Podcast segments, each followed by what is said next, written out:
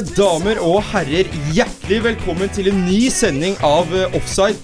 Uten Zlatan Ibrahimovic ser det tyngre ut for eh, PSG i Ligue 1. Er det de som har blitt dårligere, eller er det utfordrerne som har styrket seg og blitt bedre? I studio i dag har jeg med meg to lidenskapelige gutter som skal lose deg gjennom en herlig time med god fotballprat, nemlig Peter Stefanovic og Bendik Eia Stefansen. Og gutta, hva skal vi prate om i dag? Jo, takk for flott introduksjon.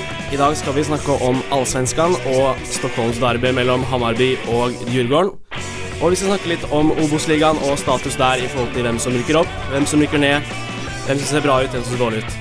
I tillegg så skal vi ha et innslag om det noen kanskje vil kalle for århundrets største antiklimaks, nemlig TV 2-sportens tolv timer lange oppladning til United Liverpool. Nei, Det er godt uh, å høre, gutta. Vi skal også ha vår faste spalte, som vi nå har døpt uh, Guds hånd. Dette gleder vi oss masse til. Mitt navn er uh, Joakim Barth. Nå får du ukens låt, og det er Max Pope Didn't I.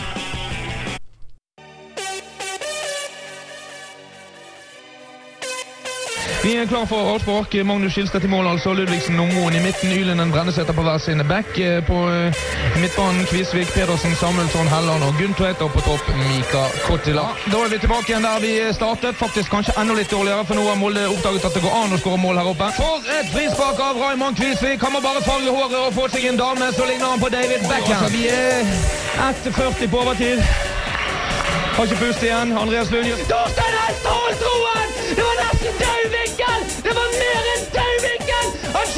tribunen og skrudde ballen 180 grader rundt, akkurat som en golfspiller! Offside. Supportere i tykt og tynt. Nis med Balotelli i spissen fører han i førersetet i Ligue 1 om dagen. Eh, med PSG hengende fire poeng eh, bak. PSG har vært eh, suverene i fire år, men kan nå se ut til å få det litt tyngre i serien. Er dette pga. tapet av den storvokste svensken Zlatan Ibrahimovic, Peter? Det kan absolutt ha noe med det å gjøre, altså. Fordi jeg tror det er vanskelig å måle effekten Zlatan kan ha på et lag. både det sportslige, hvor han selvfølgelig er i en helt egen klasse, men også den effekten han har på spillergruppa. Eh, men jeg kan, tror også det kan ha med andre ting å gjøre også. At uh, andre av lagene som er der oppe, har handlet veldig lurt i sommer. Uh, og det begynner absolutt å spøke litt for PSG. Altså. De vant jo ligaen med 30 poeng i fjor, var det vel. Så det er jo et totalt hegemoni. Men jeg vet ikke, Bendik, hva tenker du om hva de har gjort så langt? Nei, du ser jo, Nå skiftet du ut trener også. Unai Emery har gjort det meget bra i La Liga de siste årene. Og han har fått ikke så bra sving på saken hittil. Det var litt interne uro, virket det som også, i forbindelse med hatt en Benarfa sin overgang. Han ble utelatt av Champions League-troppen. Og så hadde de da en, en, en kjip 2-1-seier mot bunnlaget Nancy nå i helgen. Men allikevel, de har jo en toppspiss i form av Edson Cavani. Han har levert ni mål på åtte kamper, og det er ganske bunnsolid. Så det er vel mer de mangler den der lederskikkelsen i laget. Da. Ja, for du ser jo at, uh, at de har mista flere spillere her, og, men allikevel så sitter de jo igjen med en god nok tropp til å vinne, vinne ligaen. Um, hva er det Emery må, må få på stell her, Peter? Nei, det, det, er ikke lett å si. Han må, altså, Sånn som det var i fjor, da, så vant de jo hver eneste kamp. De må kanskje anerkjenne at i år blir det et annet løp. De må kanskje legge om uh, taktikken i forhold til at det kommer til å bli jevnere kamper enn det var. Men det er jo rart, fordi det er jo ikke sånn at de har mistet ryggraden i spillerstallen sin eller noe sånt. Og jeg tenkte også at en 35 år gammel Zlatan kanskje kunne være grei å få ut, for han er en spiller som tar så sinnssykt mye plass at kanskje dette ville gi rom for andre spillere til uh, å skinne. Men jeg tror hovedpoenget blir for PSG sin del, og det, det tror jeg er eieren sitt uh, mål også. Og det er jo de, de, de, tror jeg kommer til å gå all in for uh, Champions League nå. Nå har de hatt to uh, kvartfinale-exiter uh, i de to foregående sesongene, og de har gjort det helt suverent i ligaen. Og utenom det så har jo fortsatt Laurent Blanc fått sparken for, det, for den opptredenen der, så men det må vel være i så fall hvis de tar for gitt at de kommer til å vinne ligaen. Eh, tror du ikke det? det jo, jo, det, jo, det blir nesten litt sånn. Det var, men kan de sånn det nå? Kan de det nå? Det er det, det som spøker litt, de, føler jeg. Det er nok uh, litt sånn uh, Det kan være i starten av sesongen, men de har den bredeste troppen, så de kan nok fort ta det i lengden. Ja, altså, altså en Edison Cavani i form er jo ikke mye dårligere enn Zlatan Ibrahimovic, men det er kanskje det man savner, er den vinnerskallen. Den som absolutt gjør alt for å vinne, er Cavani litt Ja, for vi så jo også da Zlatan var i PSG, så så vi også at han tar så mye plass, som jeg sa i stad. Og liksom Kavani blir liksom skjøvet ut på siden. Så både liksom sikkert i garderoben, men også på banen, da, så ble han sikkert følte han like sikkert at han var litt tilsidesatt. Men nå spiller han midtspiss, der han hører hjemme. Han er en fantastisk god spiss. Vi så jo mot Arsenal, som er et av topplagene i Premier League. De skap, han fikk jo kanskje Han, han kunne jo skåret fem mål i den kampen, Ja, liksom. det er litt urovekkende akkurat det også, i hvert fall i de, de tightere CL-oppgjørene som kommer i eh, sluttspillet der. Da må han begynne å sette de gigasjansene, fordi han, eh, han får titalls av sjanser mot, eh, mot eh, alle de små, småputtlagene i ligaen, og det er i de store anledningene han må levere. Ja, men for å se det på, på, litt, på litt annen uh, vinkel uh, Har utfordrerne blitt bedre? Se Nis her med Mario Balotelli i spissen. Gjør det jo ekstremt bra i, i åpningen. De har fått en veldig god start, og det er jo Nå har jo Balotelli skåret fem mål på fire kamper. Eh, det er meget imponerende, og jeg tror kanskje NIS var en perfekt arena for hans del. Og, og utvikle seg. Han, hadde, han må ikke glemme at han er en unggutt, og han fikk et enormt press i, på seg i Liverpool. Og han kommer seg ned til solfylte Rivieraen der og kan ta det helt kul.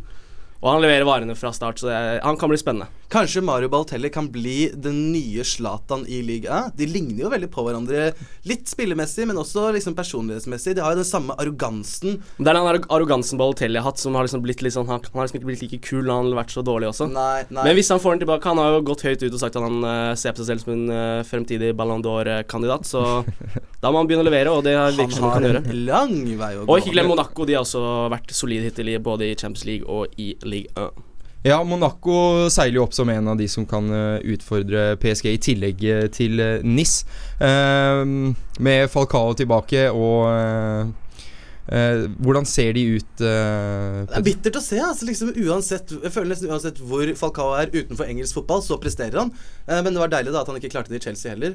Eh, men nei, eh, Monaco virker som de liksom har trappet ned ambisjonsnivået sitt litt i forhold til det nivået de var på for en fem år siden, var det vel. Da det kom inn de styrtrike eierne, og de skulle ta over verden, og de ble det nye City og bla, bla, bla. bla. Mens nå handler de litt billigere spillere, rundt kanskje sånn 10 millioner euro. Bygger den opp, selger med profitt. Jeg syns det ser lovende ut for uh, å liksom skape en eh, en god kultur i klubben, da. Og eh, ja, de Jeg syns han, han høyrekanten deres, Bernardo Silva, som jeg har sett på nå fikk inn en goal nå i Champions League, han ser meget eh, solid ut. Veldig spennende spiller der. Og så har de også Thomas LeMar, som er et eh, veldig spennende franskt eh, talent. Og så har de fått inn eh, solid eh, backup i bak der, i Kamel Glik, som er en solid stopper. Og de har fått inn Benjamin Mendy, en god venstreback fra Marseille. Eh, Men litt synd også at de gamle, store franske storhetene i form av eh, både Marseille og Lyon er blitt litt middelhavsfare. Nå har jo Lyon har jo en, eh, er jo fortsatt veldig tradisjonsrik og har jo utrolig med tilskuere. Og de har en toppspiss i Alexandre Lacassette. Apropos det, så så jeg nå faktisk at Marseille, før den helgen her, da bare noen dager siden, de har fått nye eiere. Eh, og Marseille har tydeligvis vært en av de klubbene hvor uh, dårlig eierskap har ødelagt mye for strukturen i klubben, og det kan ofte liksom ha veldig mye å si for det sportslige. da. Vi ser jo, Kroneksempelet er jo Perez i Real Madrid, uh, hvor liksom eieren alltid skal liksom gripe inn i det dagligdagse i klubben. Mens jeg tror den nye eieren har sportslige ambisjoner om å la de proffe ta hånd om dette, da, og så står han for pengene. Så det, det lover godt for Marseille. Det ligger i hvert fall an til en eh, spennende sesong i league uh, i år. Vi får håpe det, og at det ikke er et lag som eh, seiler av gårde og leder med 20 poeng. Uh, nå skal du få uh, Pasha med All My Homies. Tell me that football is not our one common language when the whole planet stops for 90 minutes to be witness to that one thing we all understand. Yeah, you can tell me I'm wrong. Some may say it's just a game. But this is about heroes and tribes, loyalty and devotion. It's our commitment and our passion, our battle and our belief. This is our faith. Now, feel the fever of the crowd, hear the roar of the faithful. This is the beautiful game. This is your moment. Offside. Vi setter linjen der ingen andre gjør. Du hører på Offside, og i studio har jeg Peter Hey.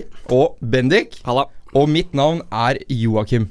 Nå skal vi over landegrensa og til våre naboer i Sverige. I helga som var, var det Stockholmsderby mellom Hammarby og Djurgården i Tele2 Arena, som for øvrig har vært hjemmebane til begge lag siden 2013. Det var en smekkfull stadion, eh, og i det 79. minutt på stillingen 4-2 til Hammarby så rant det over for supporterne, og kampen ble stoppet i 30 minutter. Dette er kanskje litt drøyt, men hvorfor knuser svenskene oss på stemning og folk på stadion, eh, Bendik? Jeg tror det ligger litt i supporterkulturen. Det har vært sånn uh, veldig mye de siste årene. Og mm, det er ikke kun positivt heller, da. Vi ser jo Det jo kan jo ikke være veldig gøy for familiære årsaker å dra på kamp og når sånne ting skjer. Og vi husker jo også det var jo et eh, lignende på Derby for to år siden at det var en mann som omkom av, som følger av opptøyer og vold. Men altså, Dette handler jo om den generelle lidenskapen som vi må pumpe opp i Norge. Ja, altså, ja, det kan være litt uh, collateral damage. Ikke at noen dør, selvfølgelig. Men altså, i Norge det er jo nesten dødt på kampene. At jeg syns det er en svak pris, eller en liten pris, da, å måtte betale og stoppe kampen i en halvtime for det trøkket vi så i Sverige i helgen. Altså, dra på Ullevål og se en Vålerenga-kamp. Det er 7000 tilskuere. Og essensen av det blir jo også sånn når du ser ehm, at nå ser vi Lillestrøm og, tipp, og ikke tippeliga, men eh, og Tromsø deler nå gratisbilletter. Som en slags er pinlig, siste, som en siste skrik for å prøve å dra i gang Ja, eh, Altså jeg, så, jeg så jo Vålinga òg nå eh, gir ut gratisbilletter til eh, barnefotballen. Til eh, oppgjøret mellom Vålinga og Nå Lillestrøm. trenger jo de, de klubbene trenger jo all den hjelpen de kan få, så, men det viser jo bare hvor langt vi ligger bak på den fronten her. Og det er jo Du ser den, det Derby i helgen også. Det er, det er nesten som en eh, liten Premier League-arena. Det er 30 000 på stadion, smekkfullt. En gang i tiden så var jeg på Ullevål og så Vålerenga Lyn, og det var 25 000 mennesker her som skrek i munnen på hverandre, og det ble, altså, det ble opptøyer etter kampen omtrent. Og det ser, vi, det ser vi spesielt fra de siste ti årene, si norsk fotball.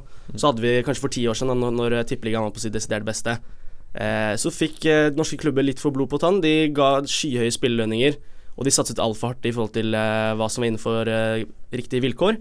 Og da ble det mye økonomisk eh, krise, og det gikk dårlig, og da ser vi at svenskene har den gode kulturen.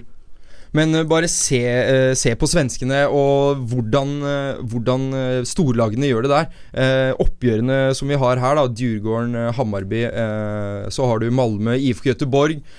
Du har alle de storoppgjørene, Hammarby, AIK, hvor, som alltid er fullt. Det er alltid fullt i Tippeligaen.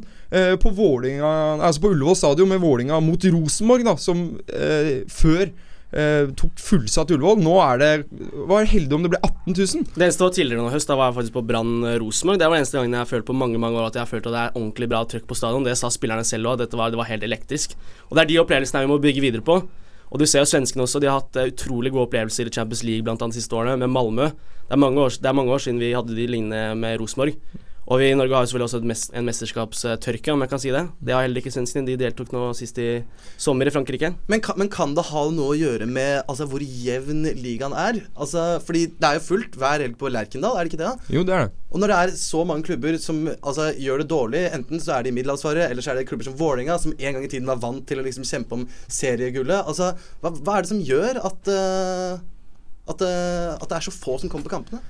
Nei, eh, altså Nivået har jo gått litt ned, da, eh, rett og slett. Eh, norsk fotball klarer ikke da lenger å tiltrekke seg de spillerne som folk vil se på stadion. Ja, fordi For ti år siden, eller noe sånt, da ditt kjære Stabæk, Bendik, var på toppen av norsk fotball med Alansinho og Nanskog osv., eh, da var det jo kjempetrøkk. Og Tippeligaen ble da regnet som en bedre liga enn Allsvenskan. Men eh, det går an å gjøre et kjapt Google-søk nå og finne ut at sånn er det ikke lenger. De har en, ganske, de har en offisiell ranking for eh, ligaen i Europa, og Danmark ligger selvfølgelig over oss begge. Men eh, jeg lurer på om Allsvenskan ligger en tre-fire plasser over oss. Og Danmark Ja, også kan også relateres til svenskene i forhold til de store uh, derbyene de har i Danmark også. Mm. Så det er egentlig norsk, eh, norsk fotball som ligger dårligst an her, altså gutter. Så det mm, Ja, men også bare for å dra det litt lenger, da. Altså Hammarby rykka jo opp i fjor. Eh, og når da de spilte i, i uh, Superettan, som er uh, førstedivisjon i eh, Eller den andre divisjonen i Sverige, eh, så var det jo f Det var fullt! Det var fullstappa stadion! Og det er i førstedivisjon. Uh, og så se på Obos-ligaen nå, så er det jo ikke i nærheten. Altså, Raufoss Koffa, liksom. Det er Ja. ikke like god Selv om det er spennende som bare det. Ja, men også har du lag der da som burde egentlig kunne tiltrekke seg mye eh, tilskuere. Som Eh, Fredrikstad er en fotballby. Det er den stadion har vi sett fullstappa før. Men det er altså sånn lag som, vi, som er et veldig godt eksempel på den storsatsingen og, og fatale følger av det. De har jo også et kjempeflott anlegg. Og hadde egentlig, var egentlig et, et topp tre-lag i norsk fotball i, i slutten av 2000-tallet. Men uh, gutta, uh, direkte, hva er det norsk fotball kan gjøre for å få tilbake den lidenskapen som svenskene nå har? Jeg mener at vi må gå tilbake til eh, step one og bygge litt fra grunnen av. Ikke um, få ryddet opp i alt det tullet som har vært de siste årene med de høye, høye lønningene, og begynne å se opp over svenskegrensa. Ta sånn harrytur og se hva de gutta gjør for det de. Men ikke den negative kulturen. Men har det, kan det ha en effekt? At hvis spiller, eh, spillerlønningene går opp, så liksom er det en boble som sprekker, og økonomiene går nedover, og dette kan ha en eh, effekt på prestasjonene og på de som møter opp Det var nok litt at eh, den boblen sprakk. At eh, Jeg har ikke noe godt svar på hvorfor det akkurat ble sånn, men det var jo litt sånn som Start og Fredrikstad som bygde kjempeflotte nye stadioner og skulle liksom etablere seg. Nei, for jeg må innrømme at jeg, jobb, jeg jobber ikke i NFF, men jeg bare noterer at vi har ikke vært i et mesterskap på 16 år. Jeg måtte bare få sniket inn det også. I tillegg til at norsk tippeligaen er blant de dårligste ligaene i hele Europa. Altså, noe må skje. Kjetil Siem, vær så snill. Norsk fotball, skjerp dere! Det får bli siste ordet fra den debatten her. Etter eh, låta Amber Coffman eh, med All to Mice eh, skal du få høre et innslag om den tolv timers lange oppladningen til TV2 eh, s- eh, mo- med Liverpool mot Manchester United.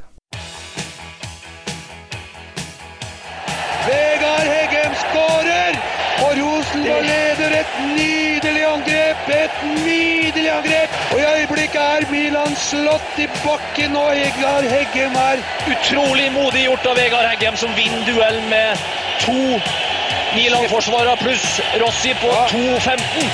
Ja, det er 3.15. Se her! Romerike står ikke for fall akkurat i øyeblikket, men det er pinadø ikke mye om å gjøre. Offside, for oss som husker da norske lag spilte på onsdager.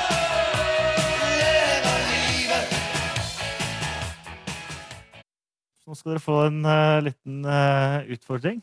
Uh, vi skal prøve å sette opp den beste elveren kombinert med disse to. Det kunne nesten ikke ende på noen annen måte. Etter at TV 2 hadde hatt build-up til det 196. møtet mellom Liverpool og Manchester United i tolv timer, fikk vi servert kanskje den minst underholdende kampen i Premier League så langt denne sesongen. At oppgjøret endte 0-0 for første gang på elleve år, er ikke TV 2s feil. Men så godt som hvilken som helst kamp ville ha blitt et antiklimaks etter tolv timer build-up. Fra et kommersielt ståsted var stuntet en suksess. TV 2 Sport Premium var, som en rekke TV 2-ansatte har påpekt, landets nest største TV-kanal i den kommersielle målgruppen 20-49 år, med en andel på 12,3 Kun hovedkanalen TV 2 var større i den samme målgruppen, med en andel på 23,6% På det meste var det over 320 000 som så kampen.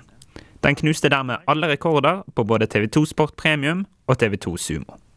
Hvor mange som så kampen som en direkte konsekvens av TV 2s maraton-build-up, er det umulig å måle. Lagene har til sammen nesten 80 000 medlemmer i sine supporterklubber her i Norge. At interessen var stor, er derfor ingen overraskelse, særlig når mange ser på dette som en sesong hvor begge lags supportere har grunn til å være optimistiske. Jørgen Klopp har fått mer av den tiden mange tror han behøver for å gjøre Liverpool til et vinnerlag, mens José Mourinho i kjent stil har kastet penger etter flere verdensstjerner og lokket dem til Old Trafford. Men det er rett og slett ikke mulig å lage tolv timer med god build-up til én enkeltkamp. Å lage tolv timer med god oppkjøring til en ny sesong kan være en stor nok utfordring. Jeg håper at TV 2 i fremtiden heller tenker kvalitet over kvantitet, og ikke lar oppmerksomhetsjag diktere hvor lang en sending skal være. Siste fløytesignal lyder fra Anthony Taylor. José Mourinho la en plan som mest handlet om å få med seg noe fra Anfield, og det fikk han ett poeng. Kampen i seg sjøl var preget av at Liverpool mangler en klassespiss, og at Manchester United fremdeles ikke har funnet helt ut av Paul Pogba. Daniel Sturridge er best når han spiller med en spisspartner, som 2013-14-sesongen er det beste beviset på. Da skåret engelskmannen 24 mål for Liverpool, mens spisspartner Luis Suárez noterte seg for 31 skåringer. Mandag forsvant dessverre Sturridge ut av kampen i lange perioder. Skal Liverpool vinne titler, må de derfor signere en ny spiss. Skal United og Mourinho unngå å måtte svare på flere spørsmål om overgangssummen til Pogba på 89 millioner pund, er portugiseren nødt til å få mer ut av franskmannen. Mandag maktet den tidligere Juventus-spilleren kun å kombinere med Zlatan Ibrahimovic og skape en stor sjanse ved én anledning, en sjanse Zlatan til gjengjeld ikke maktet å sette i mål. Pogba. Ja, litt heldig der. Så kan han slå inn på Zlatan Ibrahimovic! Åh, han eh, er fantastisk i lufta.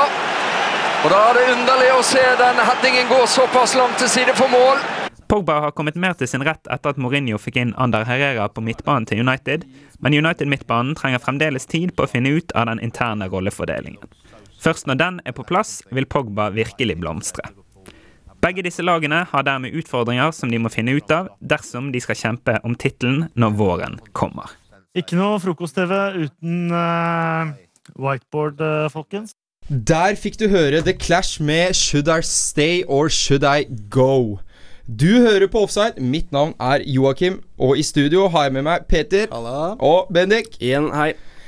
Etter litt snakk om uh, allsvenskan og våra søta bror i Sverige, så skal vi hjemover og til ligaen som kanskje er verdens jevneste liga, eh, nemlig Obos-ligaen. Uh, der er ikke alle plassene delt ut helt ennå, og hvordan ser det ut for lagene som kjemper om opprykk og playoff, Bendik? Jo, nå er det Kristiansand som ligger i toppen og har gjort det lenge. De hadde en matchball hjemme mot FFK i helgen. Kristiansund? Sa jeg Kristiansand? Ja, ja da, Nesten. Kutt, kutt, kutt, kutt den ut. Kutt den ut. Kristiansund.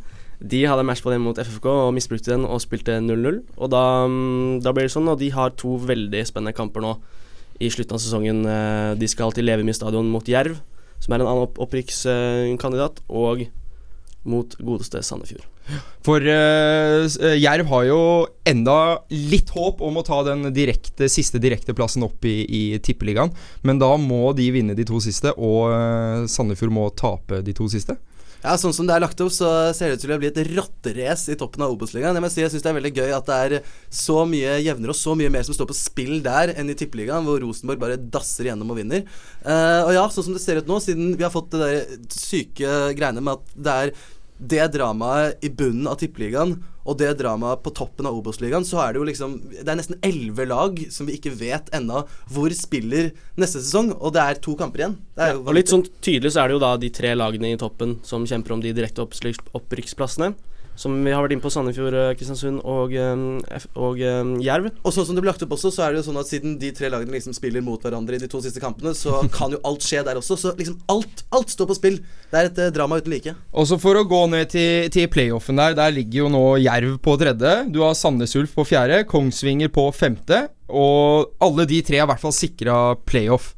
Mens på sjetteplass så har du Mjøndalen på 45 poeng, og på sjuende Levanger på 41.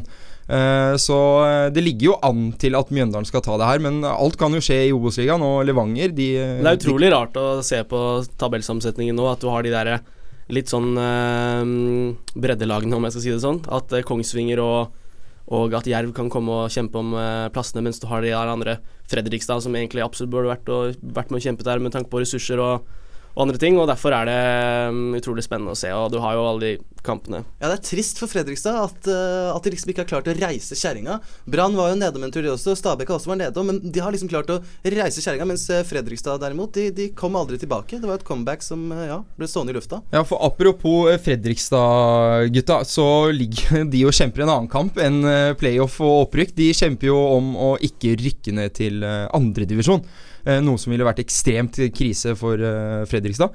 Eh, hvordan ser det ut nede der, Bendik? Ja, det er jo for så vidt nå bare Raufoss som er klar for spill i Post Nord-ligaen neste år. Og så har vi da KFM, Bryne og um, Ullkis som kjemper om å unngå de andre plassene. Og så har jo for så vidt Fredrikstad fått en opptur etter at de ansatte um, gamle Brann-legenden Mons Ivan Mjelde. Han har fått litt mer fart på sakene, i hvert fall.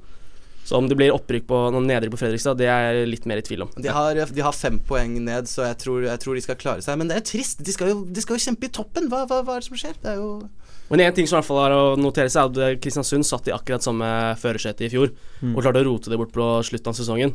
Når Brann tok den plassen og, og Sogndal, så da er det jo um, ikke gitt at de tar den de kan få litt sånn nerver i slutten av kampen her nå, og det blir veldig spennende å følge med på. Hvor fett hadde det ikke vært hvis Ole Gunnar Solskjær hadde tatt over Kristiansund når de ryk- rykket opp til Tippeligaen, og så hadde han vunnet Tippeligaen med Kristiansund? Da tror jeg de hadde reist en statue av gull av Ole Gunnar Solskjær opp i Kristiansund. Altså. Og så er det jo da et moment for tippeligalagene som eh, kan fort havne på en kvalikplass her også. Hvem er det de plutselig ender opp med? Nå ser du at det kan bli en, en variant av Kongsvinger, Myndalen, Mjøndalen, Sandnes Ulf og eh, det andre laget fra de topp tre der.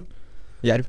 Jerv, ja. Ja, ja. eller det kan forstått bli Det kan bli hvem som helst. Men, eh, men poenget er jo da at fort et Stabæk-lag, et eh, Bodø-Glimt, kan jo møte en av de her, og da Tom Nordli spår Stabæk, bare så det er uh... Han gjør det, og jeg respekterer Toms meninger, og han, uh, han er en klok mann, så Men Sandstø spår Vålerenga, jeg bare sier det. Så uh, alt kan skje, ass. Alt kan skje. Men det ser jo i hvert fall ut som at det blir en meget spennende uh, playoff-vinter, om man kan si det på den måten. Det er mange lag som kan møte hverandre, og ja, det er jo et godt lag fra Obos-ligaen som kommer til å møte så å si et godt lag fra Tippeligaen. Og jeg tror absolutt at uh, Obos-ligaen-nivået har eh, hevet seg betraktelig. Og det er jo, jeg tror mange av de lagene i bunnen av Tippeligaen Eller du ser bare Start hadde jo selvfølgelig slitt enormt i Obos-ligaen i år.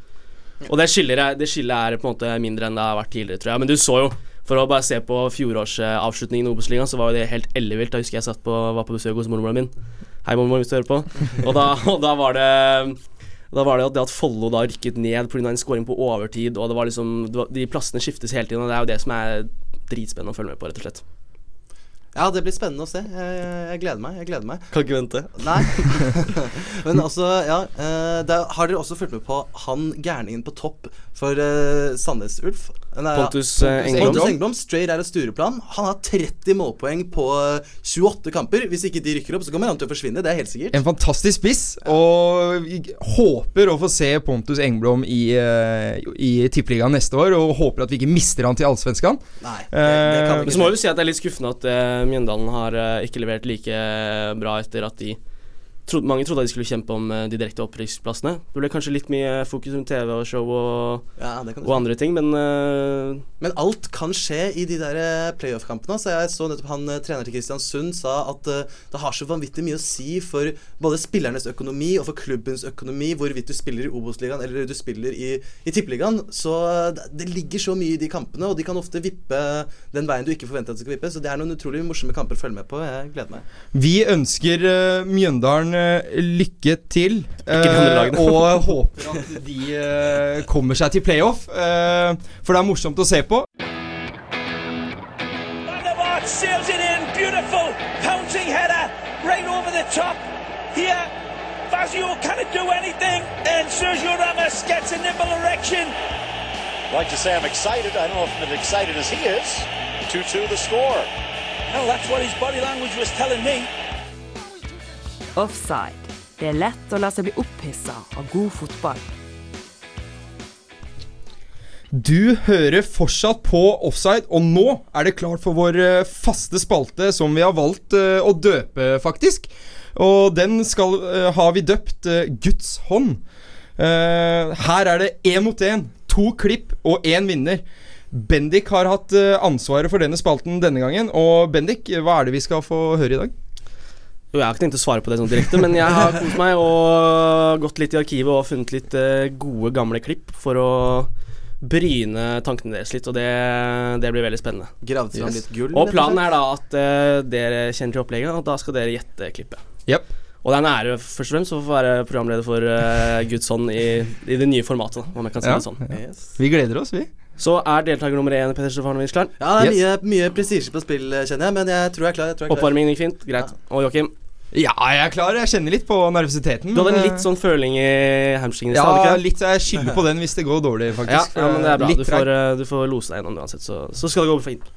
Men da tror jeg rett og slett vi bare kjører i gang. Så da dere kjenner reglene, så er det egentlig bare å gjøre hjernebarken klar. Men eh, skal vi introdusere lydene til uh...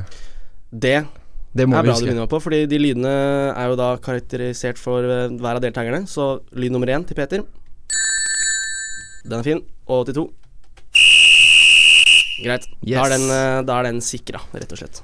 Yes. Nydelig. Da kjører vi i gang, vi. Tevez. Rooney up to Ferdinand, out by Lescott. Ryan Giggs. Great pass. Michael Owen to win it for Manchester United.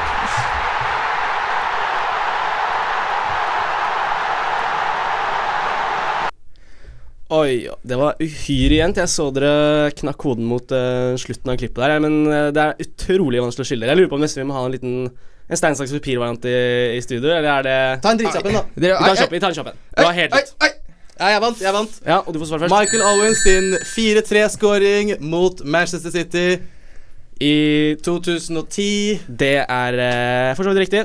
Du får Ah. poeng for den. Beklager at vi måtte kjøre en liten ny vri her som vi ikke har introdusert, men eh, det var veldig, veldig likt. Det var veldig likt. Vi, veldig, Nei, vi kjører på, vi kjører på. Det var veldig likt. Den matchen den husker jeg så godt. Det er en av de sykeste matchene jeg har opplevd noensinne. De deiligste matchene jeg har opplevd noensinne. Den veivet fram og tilbake i et vilt tempo. Husker du det? og jeg godta meg når jeg så gjennom det hele klippet i går. For det var jo, du, det var jo Bellamy, det var mange sånne gamle ringrever som var og Ja, ja, tegnet ja. seg på skåringslisten. Bellamy hadde en fantastisk skåring da han bare nøytraliserte Ferdinand, husker jeg. Han bare måkte Og den opp. Hughes var bak spakene i, i, i blond delen av Manchester. Men det jeg huska som var aller deiligst for min del, det var å se da Michael Owen, tidligere Liverpool-spiller, sette inn 4-3 på fire minutter på overtid for Manchester United. Det var ledge is. Nei, det var gåse. Jeg fikk gåsehud nå. ja, det er helt nydelig Men scene. du fikk ikke noe poeng, og da, da er det ikke noe Nei, det var den hamstringen. Det gikk litt sakte der. Jeg, jeg vet ikke Sånn går det. Vi får egentlig bare kjøre over på nytt klipp, vi. Yes.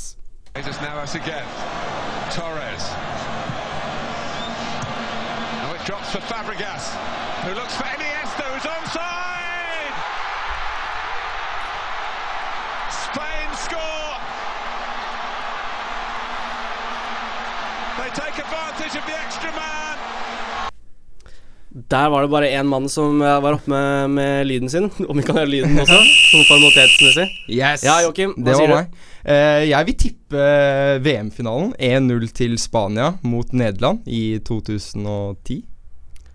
Og han utligner. Det er 1-1 på Yes! Studentradioen i Bergen. Deilig. Det er sterkt. Det er sterkt. Deilig. Det, er sterkt. det Men- var eh, fint å calle Jeg trodde dere kanskje skulle høre igjen på Den er jo litt åpenbar når du hører den Vuvuzeland runge Ja. i bakgrunnen der. Ja, jeg tenkte, du- jeg tenkte du- bare på kommentatorsporet, men det er sant, det. Men, men for det, det jeg tok det på der, var jo den Altså, Iniesta scorer. Ja. Hvor, hvor ofte skjer det på landslaget? Men husker dere hvor grisete Nederland spilte i den kampen? Ja, den der, jeg jeg glemmer aldri den de Jong med De den derre der karatesparket oppå Ja, ja. Chabi. Det er en fryktelig takling. Ja, ja, og jeg har alltid elsket Nederland, men jeg fikk liksom vondt altså, i den kampen, for de spilte jo som Italia på 70-tallet. Liksom. Det var helt forferdelig å se på. Nei, jeg husker Altså, jeg holdt jo med Nederland uh, i den finalen der, fordi Nei, Jeg syns at de hadde fortjent det, men også begynte de å spille den fotballen der da Og så sviktet din gamle tolvtemann Howard Webb deg i finalen. Ja, nå gjorde han det. Nei, Howard Webb, mye Kjære rart. Howard, Må hylles, må hylles. Men da er vi satt oss i en situasjon at det er 1-1, rett og slett. Så da må vi ha en, eh, en, en sudden death her, eh, faktisk. Det må vi. Snapper Brattberg. Stygt gjort av, av Boban, som ikke har hatt noen stor dag. Kommer Hegge og skårer! Oi, oi, oi, oi, oi! Vegard Heggem skårer! Og Rosenborg leder et nydelig angrep! Et nydelig angrep! Ja, det er ingen som vil svare her. Er det noen som vil ta en råsjans? Det var verre. Uh, ja, det var verre, ass. Det var verre. Uh, Heggem mot uh, AC Milan. Mm, ja, jeg vil ikke godkjenne den. Men uh, jeg vil helst si at du er oppe med, med hånda, opp med labben der og gi meg en, eh, et signal, men uh, det er faktisk riktig. Det blir 2-1 til ja. Peder Svanovic i dag. Hva var det? Wow, det, Det var, er- det var det- far-fetched, ass. Men den var litt uh, Det som er litt pussig, det la jeg ikke merke til før i sted, at den er jo faktisk i uh, jinglen vår. Men uh, allikevel, det er jo nå en legendarisk kamp. Det er jo 20 år siden den legendariske kvelden på, på San Siro her nå, så Ja. Ja, for det var jo Rosenborgs storhetstid. da Du skjønte faktisk- kanskje at det var en av uh, Rosenborg-kampene, men plutselig er det Real Madrid, så Men du tok en råsjanse, og du Ja, det, det det var bra. Jeg hadde aldri tatt AC Milan. Jeg visste eller- at de slo AC Milan en gang i tiden. De slo vel Real også, men jeg bare kasta noe ut Ja, altså. ja. Men det, Men det eh, det, det gikk fint, det. For det er jo nå 20 år siden den uh, kvelden på San Siro. Og en annen flott podkast i podkastfamilien er jo da Heia Fotball. De skulle ha en sånn eh, fin sånn uh, på O'Learys i Trondheim på fredag. Så Ja, da oppfordrer alle til å dra på det. Gjør det. Da kommer det gamle Rosenborg-legender, så da må dere komme. Det ble en eh, spennende duell i vår spalte Guds hånd. Nå skal du få The Rolling Stones. You can always get what you want.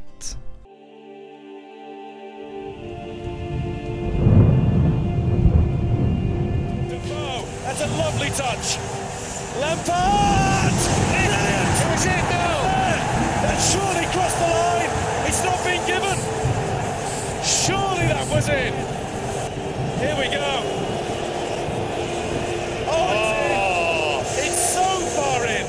Og slik baklengsmålet kom, og Indla slår den også bra. Og så er det en tro kopi av 1-0! Er det mulig, da? Fabian Scheel. Offside. Fotball på godt og vondt.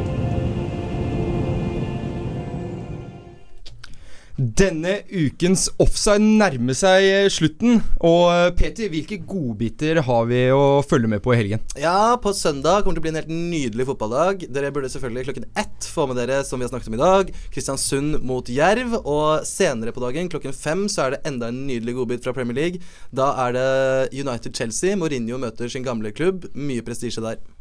Ja, og Stabæk-Sarpsborg på lørdag 15.30 på Nadderud er en kamp og det er verdt å se. Og da påfølgende kampen Brann-Molde i Tippeligaen blir også en medaljekamp å følge med på. Takk skal dere ha, boys. Det er duket for nok en eh, fin eh, fotballhelg. Eh, I studio i dag eh, har det vært eh, Peter Stefanovic, Bendik Eia Stefansen Og Joakim Barth. Nei, Joakim Barth. Det stemmer. Hvis du ikke fikk med deg hele sendingen, så er den tilgjengelig på podkast på srib.no eller på iTunes. Dere finner oss også på Facebook, Twitter og Instagram ved å søke opp Offside. Lik oss, følg oss, del og gjør alt det som uh, fører med. Takk til vår eh, eminente produsent Daniel eh, Horgen. Vi høres igjen til samme tid neste uke. Ha en fortsatt strålende dag.